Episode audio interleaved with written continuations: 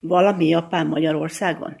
Mindjárt megtudjuk, mit is jelentett ez 2015-ben. Egy galériás belvárosi lakásban üldögélünk, és egyszer csak beköltözött Japán ide. Egy nagyon kedves fiatal lány, aki kimonókat gyűjt, ugye, és kiállításokat szervez, illetve hát Japánnal is tartja a kapcsolatot. Kérem, hogy mutatkozzon be. Csomás Zsuzsannának hívnak, és a Liszt Ferenc Zeneművészeti Egyetemen dolgozom, ahol nagyon sok japán hallgatónk is van, de rajtuk keresztül, vagy az ő társaságaikon keresztül, és a Magyar-Japán Baráti Társaságon keresztül rengeteg japán ismerősöm van, akik nagyon sokat segítenek, és így a kimonó gyűjtésében, tudási ismeretszerzésben. Mit jelent a kimonó? A kimonó szó egy összetett kifejezés, ruha, amit viselünk, vagy dolog, amit viselünk, így lehetne legegyszerűbben lefordítani. A ruhának a rendeltetésétől, fajtájától függ egy elkészítés, ez lehet akár egy fél hónap, vagy akár két hónap, vagy még több, attól függ, hogy mennyire sokat kell vele dolgozni, mennyire mélyen kell belemenni a díszítés formáiba, mennyire részletes, vagy éppen elnagyolt formákról beszélünk. Ezek hétköznapi viseletek? Vagy Van köztük hétköznapi uh-huh. és ünnep is. Egészen a teljesen hétköznapi házi munkától, vagy házunk viseléséhez való kimonótól, egészen a, a legmagasabb rendezvényeskig, mint az esküvőig. Ezek mindennapi viseletek akkor? Mondhatjuk úgy is, hogy Japánban igen. minden nő ebben jár. Azt nem mondom, hogy minden nő ebben jár. A hagyományőrzők egyébként előfordul, hogy kimonóban jönnek, mennek az utcán, vagy hogyha az ember elmegy Japánba, azért természetesen nyugati ruhás fiatalokat és idősebbeket is látunk, mint ahogy kosztümöt, öltöny, stb. Viszont van egy kisebb réteg, aki hagyományőrzőnek nevezi magát, és kimonóban jön, megy, tevékenykedik, akár teaceremóniát, akár ikabonát tanul mellette. Ezek általában inkább már nyugdíjas korosztályok, de viszont a fiatalok körében is ö, felin, megindult egy újfajta lendület így a kimonóknak az újraélesztésében, és egyetemi klubok vannak, akik például a kimonóban mennek valahova, mondjuk egy étterembe, vagy ki a parkba, vagy valamerre. Miből áll egy kimonó? Igen, ez megint csak ugye a fajtától függ, hogy mennyi kiegészítőről beszélhetünk, de inkább vegyük az általánosat. Mindenképpen kell a sejem kimonók alá egy alsó ruha. Tehát sejemből készül a kimonó? A legtöbb kimonó fajta sejemből készül. Van vászonból is, de most már megjelentek a poliészter kimonók is természetesen, amiknek a kezelése jóval egyszerűbb, mint egy sejem kimonóé. A sejem kimonó azt például nem tisztítható. És mit csinálnak vele akkor? Hideg vízben áztatják és elhalványítják, hogyha foltos lesz, de úgy különösebben meg nagyon vigyáznak rá.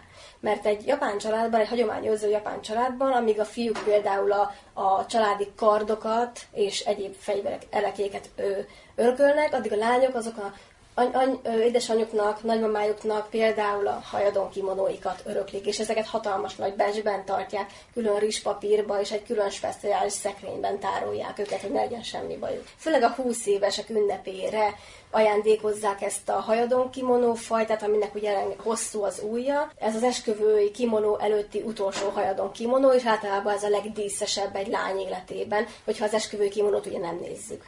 20 éves kora a nagykorúvá válás? A mai napig a 20 éves kora a nagykorúvá válás, ugye nálunk ez a 18. És akkor ezután következik az esküvői kimonó? Hát, hogyha a hölgyet megkérik, hogy legyen valakinek a felesége, és hagyományos esküvőt tartanak, akkor ezután már csak az esküvői kimonó következik, de ugye most Japánban nagyon divat lett a nyugati hatásra a fehér mennyasszonyi ruhás.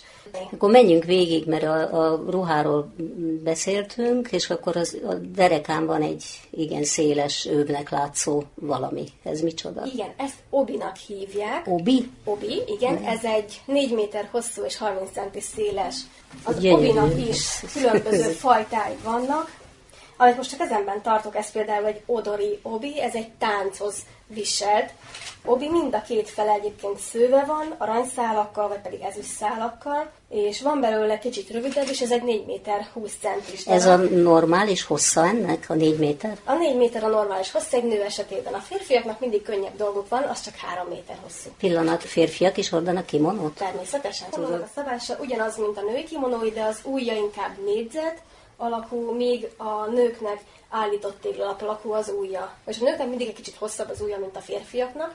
És mellette a férfiaknak az ujja itt a test felé nem nyitott, hanem fel van varva, és így egy zsákot képez maga az új, ahova például az értékeiket rakják, mint a pénztárca, meg a zsebkendő, vagy ilyesmi. Egy ujjas zokninak hívják, hivatalos neve a tabi, és, ezt, ezt úgy tudom csak mondani, hogy olyan, mint a vietnámi papucs. Elnézést, hogy ezt a hasonlatot mondom, hogy a két új között be van varva. Ennek a szín, színe számít, hogy ez milyen színű?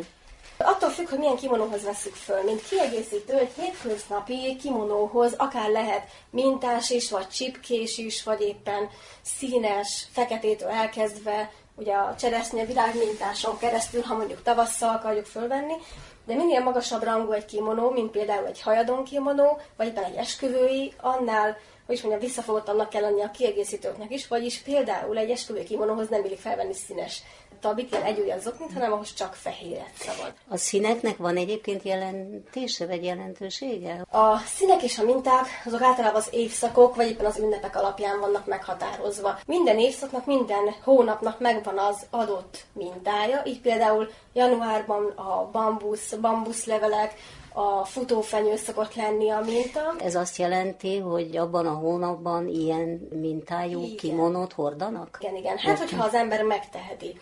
De hát ugye egy kimonó nagyon drága tud lenni, főleg az összes kiegészítővel, ami kell egy felvételhez. Ezért jelentek meg a több szezonú kimonók, amiken mondjuk több különböző szezonális minta jelenik meg, mint például a tavaszi pünkösdi rózsa és az őszi krizantém.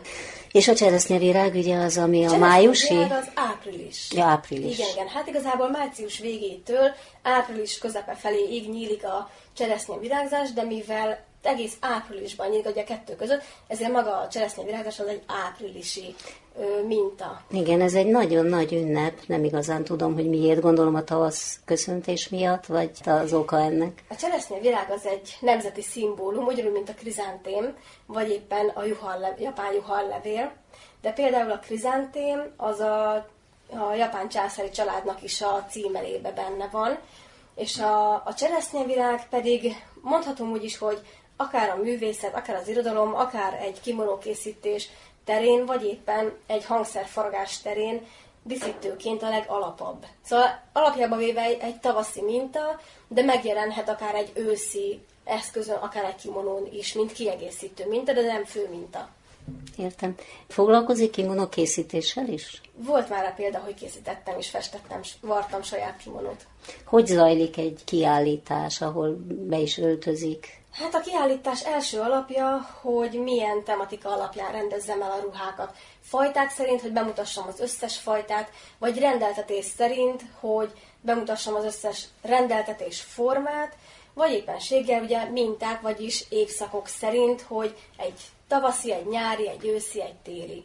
Vagy éppen volt már olyan is, hogy egy olyan kiállítást rendeztem, hogy egy hölgynek a mondhatni gyerekkorától az esküvőig minden kimonót megjelenítettünk. A hétköznapit is, vagy éppen a magát tényleg az esküvői kimonót is kiállítottuk. Ez egy tör, történet, egy Na, élettörténet? Lehet, akár lehet egy élettörténetet is Értem. mögé Hát ugye, amikor elhívnak egy kiállítást tartani, akkor két különböző módon tudom én a ruhákat kiállítani, legelterjedtebben. Az egyik, hogy fel van függesztve, és ki van terítve a ruha egy függőleges fal mentén, hogy az egész mintát lehessen látni, vagy pedig ugye próbababára fel van adva minden kiegészítővel együtt, és akkor meg viszont körbe lehet járni. És akkor ilyenkor általában egy kiállítás alatt én mindig mondjuk kimonót veszek föl, hogyha bármilyen rendezvényre megyek, az adott évszaknak megfelelő mintájú kimonót szoktam mindig fölvenni, és hogyha kérik, akkor általában tartok egy öltöztetés bemutatót. Úgy kérik, hogy én az emberek szemük láttára öltöztessek be egy kimonót, akkor általában vagy én szervezek egy modellt, vagy ők szerveznek egy modellt, akivel előtte ugye megbeszélem, hogy mire kell számítani. Azért szeretem ezeket az öltöztetésről szóló előadásokat tartani, mert az emberek általában vagy valakin látják a kimonót, vagy kifeszítve. De a kettő közötti átmenet az nagyon ritka. Természetesen lehet találni róla bemutató videókat az interneten, de hát az nem ugyanaz, mint amikor az ember személyesen látja, hogy mekkora munka is lehet ebben az egész öltözésben, mert nem 5 perces. Az egyik barátnőmmel jelenleg Magyarországon tartjuk a 20 perces kimono öltöztetés lekoldot, ami az itt letelepült japánok között is nagy, nagy dolognak számít. Köszönöm szépen az interjút. Csomai Zsuzsannával, a kimonók szakértőjével Torda Judit beszélgetett.